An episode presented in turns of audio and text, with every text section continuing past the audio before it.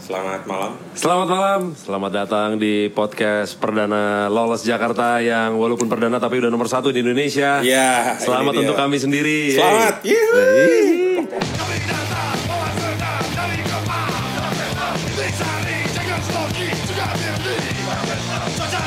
Memang kunci keberhasilan kami itu memang harus jumawa dulu di depan. Ya. Yang penting ada dulu konten belakangnya. Ya. Buat apa konten kalau nggak nomor satu? Kali ini kita mau ngobrol sama calon CEO Lolos Jakarta yaitu Gilang. Yeay. Jadi pertanyaannya tuh apa visi misi dari Iya. Lolos Jakarta untuk lima tahun ke depan nih, Peng? By the way, Mas Gilang ini eh, megang peranan di dapur, salah Hmm. satu pemegang peranan di dapur. Terus dia punya pengalaman segudang di dunia kuliner. Iya. Jadi kayaknya ini cocok nih Hmm. untuk memegang peranan ya 30 tahun lagi lah. Sepatah dua patah kata dong, Pak. Iya, coba Gimana, coba.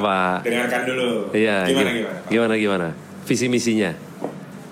aku nggak nyangka Eh, Oke, kamu nggak nyangka. Aku pun nggak nyangka.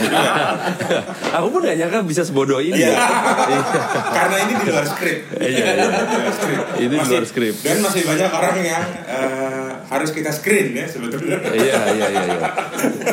Jadi Iya. kalau disuruh milih mending jadi CEO atau jadi vokalis band mending mana nih? Nah, itu aja deh yang yang singkat. jadi vokalis band aja Oh, vokalis band. Oh, ya udah nggak jadi kalau gitu. Iya. Nggak jadi. Kita cari orang lain. Padahal Aryan vokalis band juga CEO. Iya, iya, iya. Iya, kur- cita-cita lo terlalu ini, Dia, terlalu terbatas. Iya. Apa eh, merendahkan diri sendiri. Eh, iya, iya, iya. Padahal itu nggak boleh. Banyak loh sekarang. Semoga nanti di edisi kedua sudah keluar visi misi yang lebih detail ya Pak ya. Iya.